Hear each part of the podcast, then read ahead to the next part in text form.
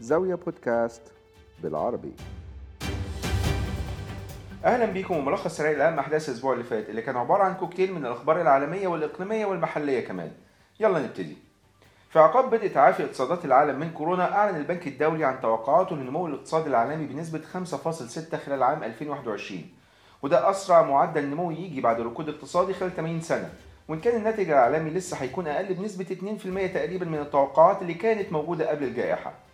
من ناحيتها توقعت منظمة العمل الدولية التابعة للأمم المتحدة أن نمو التوظيف لغاية سنة 2023 مش هيكون كفاية علشان يمتص العاطلين عن العمل بسبب كورونا. عدد العاطلين عن العمل ممكن يوصل ل 220 مليون شخص السنة دي هو نفس العدد اللي كان موجود في سنة 2020 وممكن ينخفض ل 205 مليون في 2022.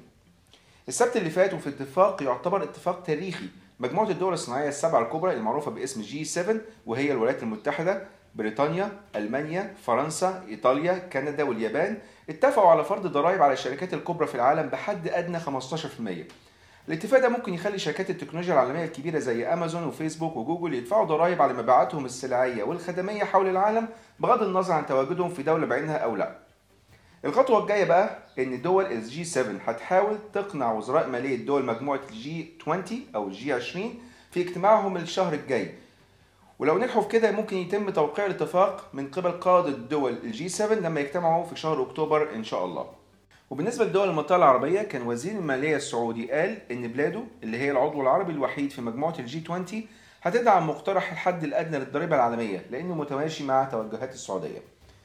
وزي كل شهر تم الإعلان خلال الأسبوع اللي فات عن قراية شهر مايو لمؤشر مدير المشتريات لدول المنطقة والمعروف باسم PMI اللي بيصدر عن IHS Markit واللي بيقيس أوضاع القطاع الخاص غير النفطي من حيث حجم الأعمال والمبيعات والصادرات وحالة التشغيل والتوظيف. الملخص كان كالتالي السعودية والإمارات وقطر لا يزالوا في توسع وإن كان قراية السعودية ارتفعت عشان ارتفاع الإنتاج والتصدير لكن القرايات انخفضت في الإمارات عشان انخفاض التوظيف وفي قطر علشان تباطؤ الإنتاج.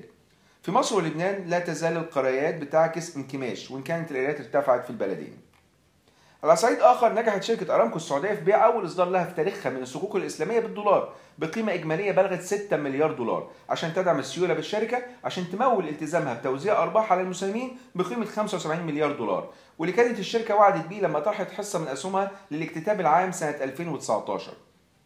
طرح الصكوك كان على ثلاث شرايح كالتالي مليار دولار لأجل ثلاث سنين 2 مليار دولار لأجل خمس سنين 3 مليار دولار لأجل 10 سنين. والشيء بالشيء يذكر مصر في طريقها لإصدار أول صكوك إسلامية سيادية ليها مع بداية العام المالي الجديد اللي هيبتدي أول يوليو الجاي إن شاء الله. قيمة الإصدار ممكن توصل ل 2 مليار دولار. وفي سابقها هي الأولى من نوعها دولة السلفادور. أصبحت الدولة الأولى في العالم في إيه؟ في اعتبار البيتكوين كعملة قانونية بعد موافقة الكونجرس في الدولة بأغلبية حوالي 74% لإصدار قانون يتبنى البيتكوين. للعلم السلفادور هي دولة في أمريكا الوسطى وحجم اقتصادها حوالي 25 مليار دولار وعدد سكانها 6.5 مليون نسمة. خلال الأيام الجاية إن شاء الله الرئيس الأمريكي في أول رحلة خارجية ليه كرئيس هتستمر حوالي 8 أيام هيقابل بالترتيب دول الجي 7 الاتحاد الأوروبي حلف الناتو وفي الآخر يوم الأربعاء الجاي إن شاء الله هيقابل الرئيس الروسي بوتين في سويسرا.